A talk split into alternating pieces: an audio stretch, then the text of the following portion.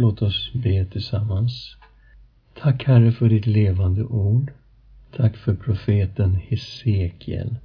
Vi ber gode Gud, fyll oss med din heliga Ande och tala till oss ifrån ditt ord. I Jesu Kristi namn. Amen. För ett djupare bakgrundsstudium så hänvisar jag till studiet över Jeremias bok därför att de här två profeterna var ju samtida. Men vi ska ändå titta på den religiösa situationen i landet som ledde fram till situationen vi har här i Hesekiels bok. Vi ska börja med Manasse. Han hade varit kung i Juda i 45 år mellan 687 till 642 f.Kr. Han hade infört avguderi i hela Juda och faktiskt mer än de folk som bott i Kanans land innan Israel. Det här kan vi se i Andra Konungaboken 21 och 19. Dessutom hade ett stort antal oskyldiga människor dödats i Jerusalem. Det ser vi i Andra Konungaboken 21 och 16. Och man anar här att det faktiskt rörde sig om martyrer, sådana som protesterat mot avguderiet och de hade alltså blivit avrättade, dödade. Gud hade beslutat att Juda och Jerusalem skulle förstöras. Andra Konungaboken 21, vers 10-15. Så redan på den tiden var Gud fast besluten att Jerusalem skulle gå under. Manasse han efterträdde sen av sin son Amnon och även han var ju en avgudadyrkare. Amnon regerade i två år innan han mördades och det var därför som hans son Josia var bara åtta år när han blev kung. Ser vi i Andra Konungaboken 22.1. Och Josia han började aktivt söka Herren när han var 16 år gammal. Och när vi studerade Sefanjas bok så antog vi att profeten Sefanja hade använts av Gud i Josias liv så att den unge Josia faktiskt började söka Herren. Vi såg också från Sefanjas bok att de var släkt de här två. Och han satte igång med att rensa Jerusalem och Juda från avgudar 1628 f.Kr. när han var 20 år gammal. kan vi läsa om i Andra krönikeboken 34, 3-7. Och vi förstår att Jeremia klev rakt in i den här kampen mot avguderiet därför han blev kallad till profet 627 före Kristus. När han, och, och det var då han fick sitt profetkall. Det ser vi i Jeremia 1, 1-3. Tydligen var lagboken försvunnen under Manasses tid och den hittades i Herrens tempel år 622 när Josia var 26 år gammal. Och det här ledde till en omfattande reform. Josia försökte faktiskt utrota avguderiet i hela landet, även i norr. Och när vi studerade Jeremias bok så såg vi att första delen av Jeremias bok passar mycket väl in i Josias reform och kampen mot avguderiet. Men trots Josias ansträngning, som då var understött av profeterna Sefania och Jeremia, så var ändå avguderiet fast rotat i de djupa folklagren. Det här bevisas ju av att avguderiet trots allt fortsatte under de efterföljande kungarna i Juda. Josias son Joahas, han fick bara sitta på tronen i tre månader innan farao Neko den andre av Egypten kom till Jerusalem och förde iväg honom till Egypten. Och där dog han faktiskt. Det ser vi i Jeremia 22, 10-12, Andra Konungaboken kapitel 23, vers 34. Och istället så insattes då hans bror Jojakim till ny kung i Juda. Han regerade från 609 till 598.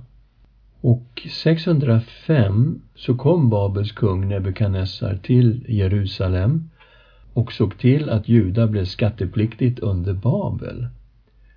Och Nebukadnessar förde också med sig fångar och bland annat Daniel var bland de här fångarna. Vi läser om det i Daniels bok kapitel 1, vers 3-5. Kungen befallde sin förste hovmarskalk Ashpenas att hämta några av Israels barn från kungaätten eller av förnäm börd. Unga män utan defekter som såg bra ut. De skulle kunna tillägna sig all slags lärdom, vara kloka, ha lätt för att lära och vara dugliga att tjäna i kungens palats. De skulle få undervisning i kaldéernas litteratur och språk. Kungen bestämde åt dem en daglig tilldelning av kungens egen mat och av vinet som han själv drack. De skulle läras upp i tre år och därefter tjänstgöra hos honom. Men eh, Jojakim, han ville inte betala skatt utan han gjorde ju uppror mot Babel. Kung Nebukadnessar kom mot Jerusalem och 597 så intog han staden. Och han förde Jojakims son, som hette Jojakin, till Babel som fånge tillsammans med hela sin familj, med 10 000 betydande personer och bland de här fångarna fanns också profeten Hesekiel. Man kan ju undra att det var 10 000 som fördes som fångar till Babel. Men de plockade ut alla sådana som var hantverkare, som de faktiskt kunde ha nytta av i Babel. Och den sista kungen i Juda, det blev Sidkia. Han regerade fram till Jerusalems fall 586 f.Kr. När templet och staden ödelades och faktiskt brändes hela staden ner och Juda fördes i fångenskap till Babel. Man håller ju på med olika utgrävningar i Jerusalem idag och vid Davids stad har man kommit ner till de här lagren som vi talar om här. Man har alltså hittat lager av aska från Jerusalems förstöring som skedde 586 f.Kr. Vad vet vi om Hesekiel? Ja, vi får reda på redan i Hesekiel 1 att han var präst och att han var med i den här fångtransporten från Jerusalem till Babel 597 när 10 000 personer fördes iväg. Vi läser Hesekiel kapitel 1, vers 1 till 3. I det trettionde året, på femte dagen i fjärde månaden, när jag var bland de bortförda vid floden Kebar, öppnades himlen och jag fick se syner från Gud. På femte dagen i månaden under det femte året sedan kung Jojakin hade förts bort i fångenskap kom Herrens ord till prästen Hesekiel, Busis son i Kaldéernas land vid floden Kebar, och Herrens hand kom där över honom. Okej, okay, vi får reda på att han var präst, den här Hesekiel. Vi ser att det är två datum här. Det ena är trettionde året och det andra är femte året. Möjligtvis handlar det egentligen om samma tillfälle. Och i så fall står det trettionde året för Hesekiels ålder, att han var 30 år. Och det andra är daterat väldigt exakt femte året sedan kung Jojakin förs bort i fångenskap. Så då hamnar vi 31 juli 593. Då kom Herrens hand över Hesekiel och han fick en syn.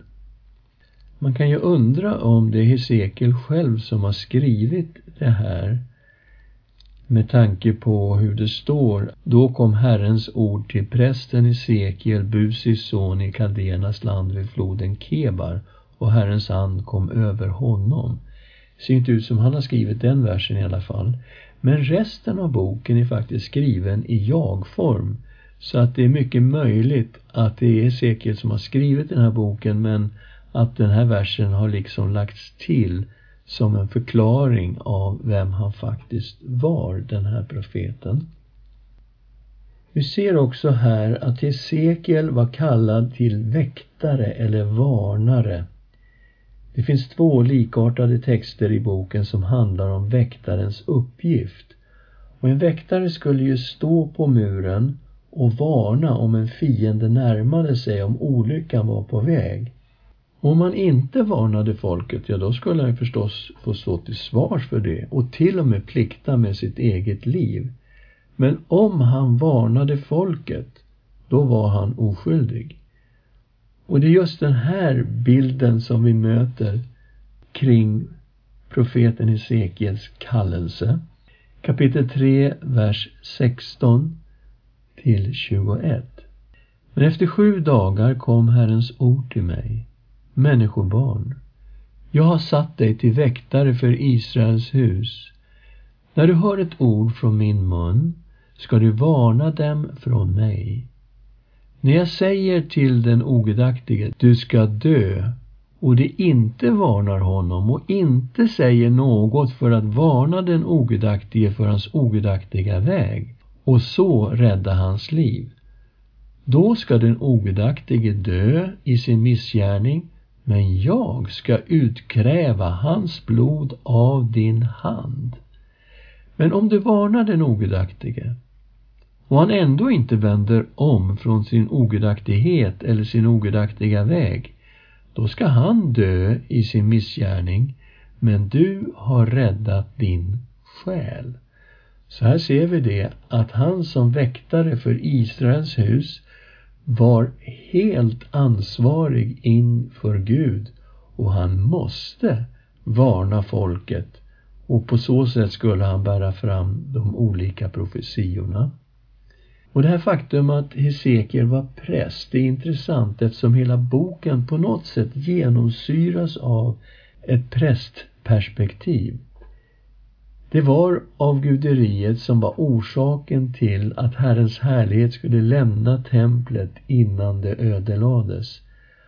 Och här behöver vi sätta oss in lite grann i situationen. Vi går till åttonde kapitlet, vers 3 till 18.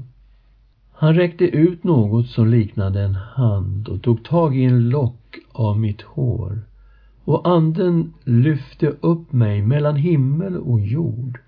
I syner från Gud förde han mig till Jerusalem, till den inre förgårdens port som vetter åt norr, där avgudabilden stod som väckt Guds vrede. Så på något sätt så lyfts profeten Hesekiel upp vi antar på ett andligt sätt. Han kommer till Jerusalem och där får han se avgudabilden som finns i tempelområdet. Vi läser vidare i vers 4. Och se där var härligheten från Israels Gud, så som jag sett den på slätten. Han sa till mig, Människobarn, lyft din blick mot norr. När jag lyfte min blick mot norr fick jag vid själva ingången norr om altarporten se den avgud som hade väckt Guds vrede. Han sa till mig, människobarn, ser du vad de gör? Det är så hemska vidrigheter Israels hus ägnar sig åt här att jag måste lämna min helgedom. Men du ska få se mer och ännu värre vidrigheter. Sedan förde han mig till förgårdens ingång och där fick jag se ett hål i väggen. Han sa till mig, människobarn, bryt igenom väggen. Då bröt jag igenom den och fick nu se en dörr. Han sa till mig, gå in och se vilka onda vidrigheter de ägnar sig åt här. När jag kom in fick jag se alla slags bilder av vidriga kräldjur och fyrpotadjur liksom Israels folks alla avgudar inristade runt omkring på väggarna. Framför dem stod sjuttio av de äldste i Israel. Jasanja, Shafans son, stod mitt ibland dem. Var och en av dem hade sitt rökelsekar i handen och ljuvlig doft steg upp från rökelsemolnet. Så här ser vi att de tände rökelse inför de här olika avgudarna och vi är alltså inne i tempelområdet. Och de tillber de här avgudarna. Och här fanns alla Israels folks avgudar. Det norra riket, Israel hade ju gått under 722. Alla avgudar som hörde till dem, de fanns också här vid Herrens tempel plus folkens avgudar runt omkring. Han sa till mig, människobarn, ser du vad de äldste i Israels hus sysslar med i mörkret? Var och en i sin avgudakammare. De säger, Herren ser oss inte. Herren har övergett landet. Sedan sa han till mig, du ska få se ännu värre vidrigheter som de gör. Och han förde mig fram till Herrens hus. Och se, kvinnor satt där och begret Tammuz. Han sa till mig, ser du detta människobarn? Men du ska få se ännu vidrigare avgudadyrkan än detta. Så förde han mig till den inre förgården till Herrens hus. Och där, vid ingången till Herrens tempel, mellan förhuset och altaret, stod omkring 25 män.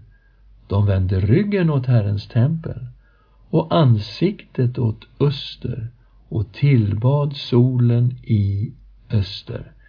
Det handlar alltså om soluppgången. Templets ingång var vänd mot öster och här tillber de soluppgången i öster med ryggen vända mot Herrens tempel. Han sa till mig, ser du detta människobarn?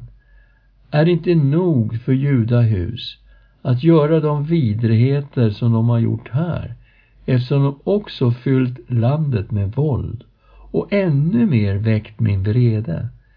Se hur de sätter kvisten för sin näsa. Därför ska jag också handla i vrede. Jag ska inte skona dem och inte ha något förbarmande. Även om de ropar högt i öronen på mig ska jag ändå inte lyssna till dem. Så det här var situationen. Man hade hängett sig åt många olika avgudar. Och det var inte så att de hade slutat att tillbe Jahve i det här templet. Nej, de tillbad Jahve, de bar fram sina offer, men de hade plussat på med alla dessa avgudar som de tillbad samtidigt. Det är alltså ren synkretism det handlar om. Och i det första budet i dekalogen har vi du ska inga andra gudar ha vid sidan av mig. Och det var precis så det såg ut. Men vi såg här också någonting om Herrens härlighet som måste lämna templet. Gud sa att han måste lämna sin helgedom. Hur ska vi förstå detta? Ja, i Första Konungaboken kapitel 8, vers 10 och 11 läser vi om när de inväg Salomos tempel i början av 900-talet. Första Konungaboken 8 och 10. Men när prästerna gick ut ur helgedomen uppfylldes Herrens hus av molnet så att prästerna inte kunde stå och göra tjänst på grund av molnet eftersom Herrens härlighet uppfyllde Herrens hus. Så Herrens härlighet uppfyllde det här templet och vi är nu i början av 500-talet före Kristus, ungefär 500 år senare. Och vi ser nu situationen med avguderiet och Herrens härlighet som faktiskt kommer att lämna templet. Vi läser i kapitel 10, vers 3 5. Keruberna stod till höger om huset där mannen gick in och ett moln uppfyllde den inre förgården. Men Herrens härlighet höjde sig från keruben och flyttade sig till husets tröskel. Huset uppfylldes av molnet och förgården av glansen från Herrens härlighet. Dånet av kerubernas vingar hördes ända till den yttre förgården. Det var som Gud, denna smäktiges röst då han talar. Vi läser vidare i det tionde kapitlet, vers 18 och 19. Och Herrens härlighet flyttade sig bort från husets tröskel och stannade över keruberna. Då såg jag hur keruberna lyfte sina vingar och höjde sig över jorden och när det begav sig iväg var julen med dem. Det stannade vid ingången till östra porten av Herrens hus och härligheten från Israels Gud vilade över dem. Och det är så vi möter Herren på flera ställen i Gamla testamentet, att han är den som tronar på keruberna. Och i det elfte kapitlet, vers 22 och 23, ser vi hur Herrens härlighet faktiskt lämnar Jerusalem. Då lyfte keruberna sina vingar och hjulen följde dem och härligheten från Israels Gud var över dem. Herrens härlighet höjde sig och lämnade staden och stannade på berget öster om staden och det är ju Olivberget som ligger öster om Jerusalem. Så, vad innebär nu detta? Jo, nu hade Herrens härlighet lämnat templet och Jerusalem och det fanns alltså inget skydd kvar för den här staden. Templet var bara som ett tomt skal.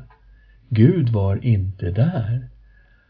Och nu var det fritt fram för Babels arméer att inta staden, ödelägga den, förstöra templet och bränna ner hela staden.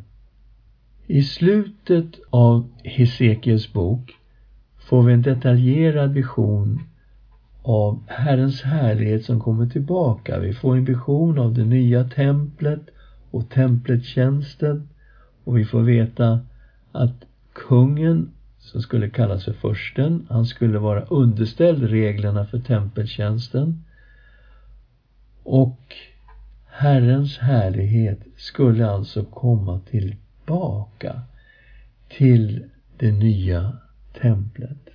Och när vi läser där i slutet av boken om hur landet till sist skulle fördelas, då får templet, prästerna och leviterna en central position. Landets kommande gränser skulle likna kung Davids rike lite grann i alla fall. Och det skulle gå väldigt långt norrut, till och med inkludera dagens Libanon. Och man ser ju tydliga skillnader på den här indelningen av landet och det vi möter i Josuas bok. Här var det rektangulära arvslotter. Gränsen drogs från öster till väster, rakt av. Så att eh, arvslotterna blev som rektangulära rutor kan man säga. Och dessutom skulle det här landet inte gå på östra sidan om Jordanfloden där Ruben och Gad och halva Manasse hade funnits en gång i tiden. Utan den östra gränsen skulle gå längs med Jordanfloden. Och det intressanta är då det här centrala området som gavs till prästerna och mitt i prästområdet skulle templet stå och direkt angränsande till det skulle leviterna ha sitt område och på sidorna av det här skulle försten ha sitt område. Det intressanta här är också att det här heliga området det ser ut att ligga norr om dagens Jerusalem. Och det är ju ganska märkligt. Så det är många märkliga saker som vi möter i Hesekiels bok när det gäller profetian om landet. Många av synerna i boken är daterade. Första gången som Hesekiel får en syn är första i sjunde 593 vid floden Kebar. Kebar låg nära Babel. Den sista profetian är daterad till 571 och vi antar därför att Hesekiel var profet i cirka 22 år. Man jämför då kapitel 1, vers 2 och 3 och kapitel 29, vers 17.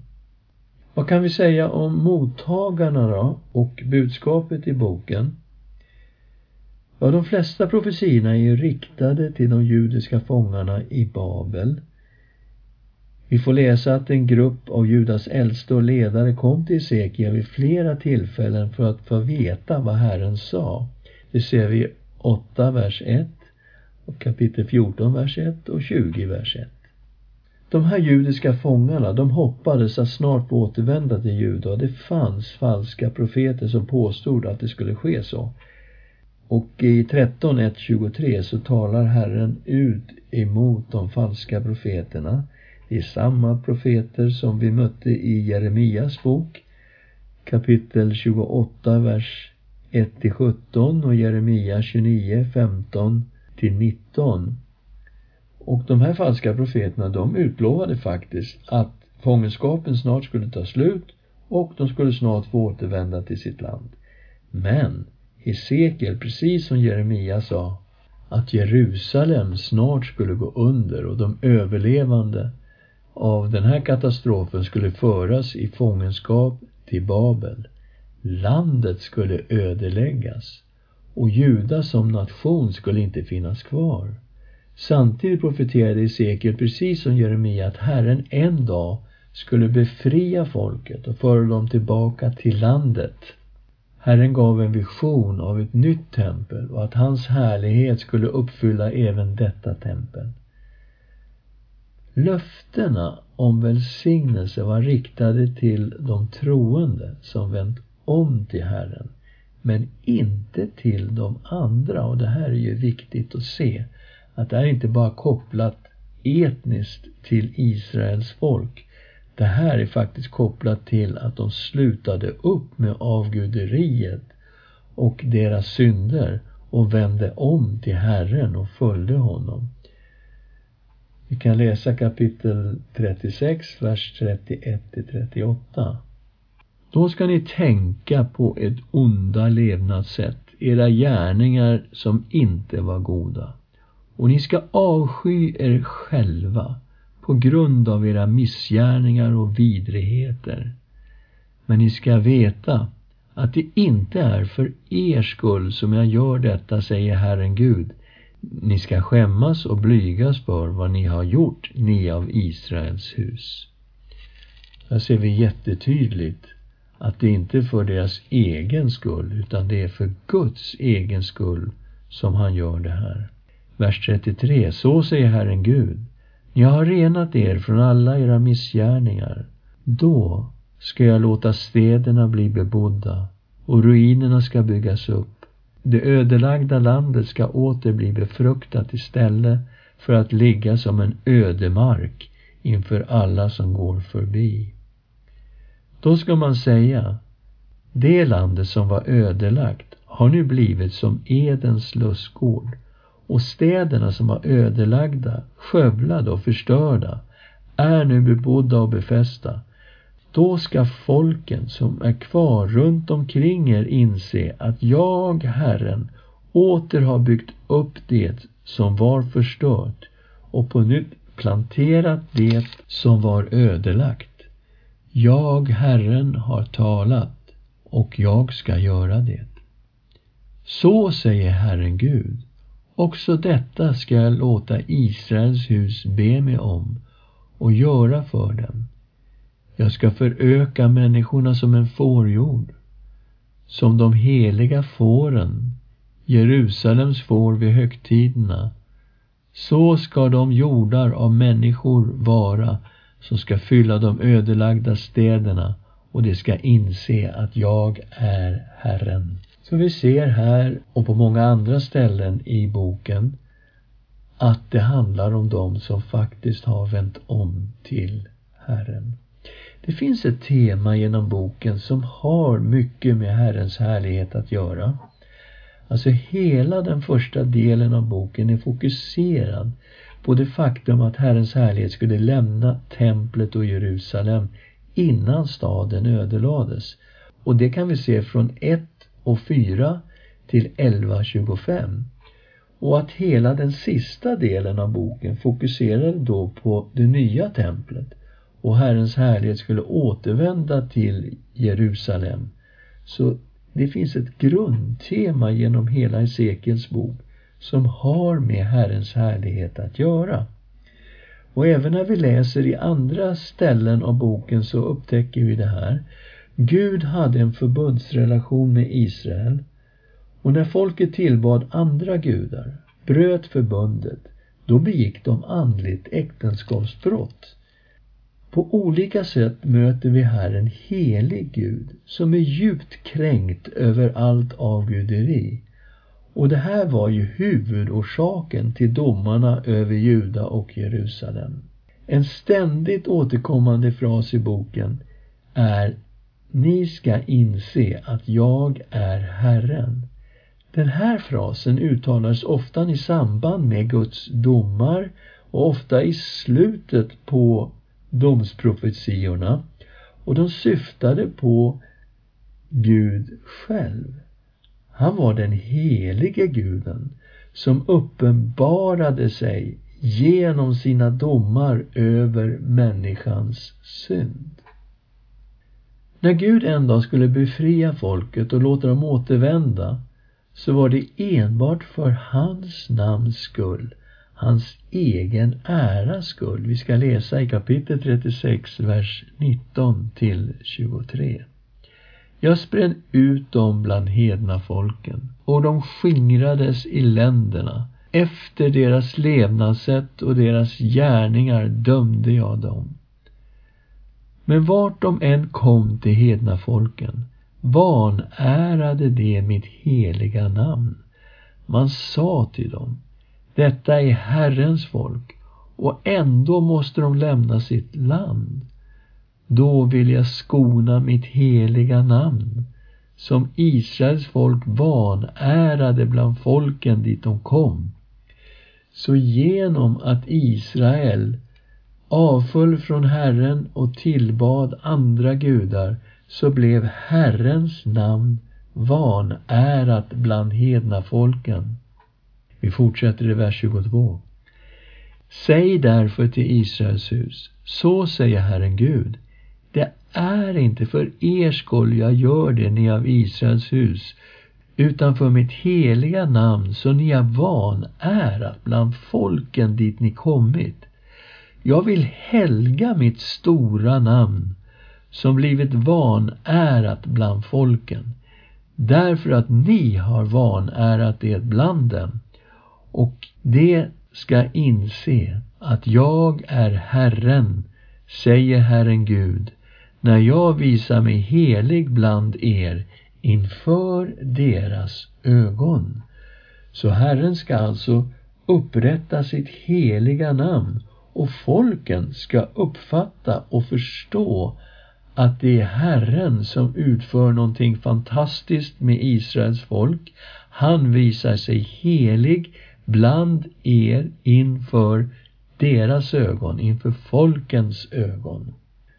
Och det var alltså inte folket som har gjort sig förtjänt av det här. Allt Gud gjorde, det gjorde han av bara nåd. Till och med när folket skulle ångra sig och vända sig bort från avgudarna och hålla sig helhjärtat till Herren, så var också detta Guds verk. Han skulle sluta ett evigt förbund med folket, ta ut stenhjärtat, ge dem ett hjärta av kött. Han skulle låta sin ande bo i folket så att de helhjärtat skulle lyda och följa honom. Vi läser vidare, kapitel 36, vers 24 till 27. För jag ska hämta er från folken och samla er från alla länder och föra er till ert land. Jag ska stänka rent vatten på er så att ni blir rena. Jag ska rena er från all er orenhet, från alla era avgudar. Jag ska ge er ett nytt hjärta och låta en ny ande komma in i er. Jag ska ta bort stenhjärtat ur er kropp och ge er ett hjärta av kött. Jag ska låta min ande komma in i er och göra så att ni vandrar efter mina stadgar och håller mina lagar och följer dem. Så vi ser här också att det här pekar ju mycket längre fram. Det här är ju tankar som kommer in i det nya förbundet, i Nya testamentet. Och det är ju saker vi kommer ta upp senare i själva studiet. Han säger till och med att han ska ge dem en evig kung och att den här kungen heter David.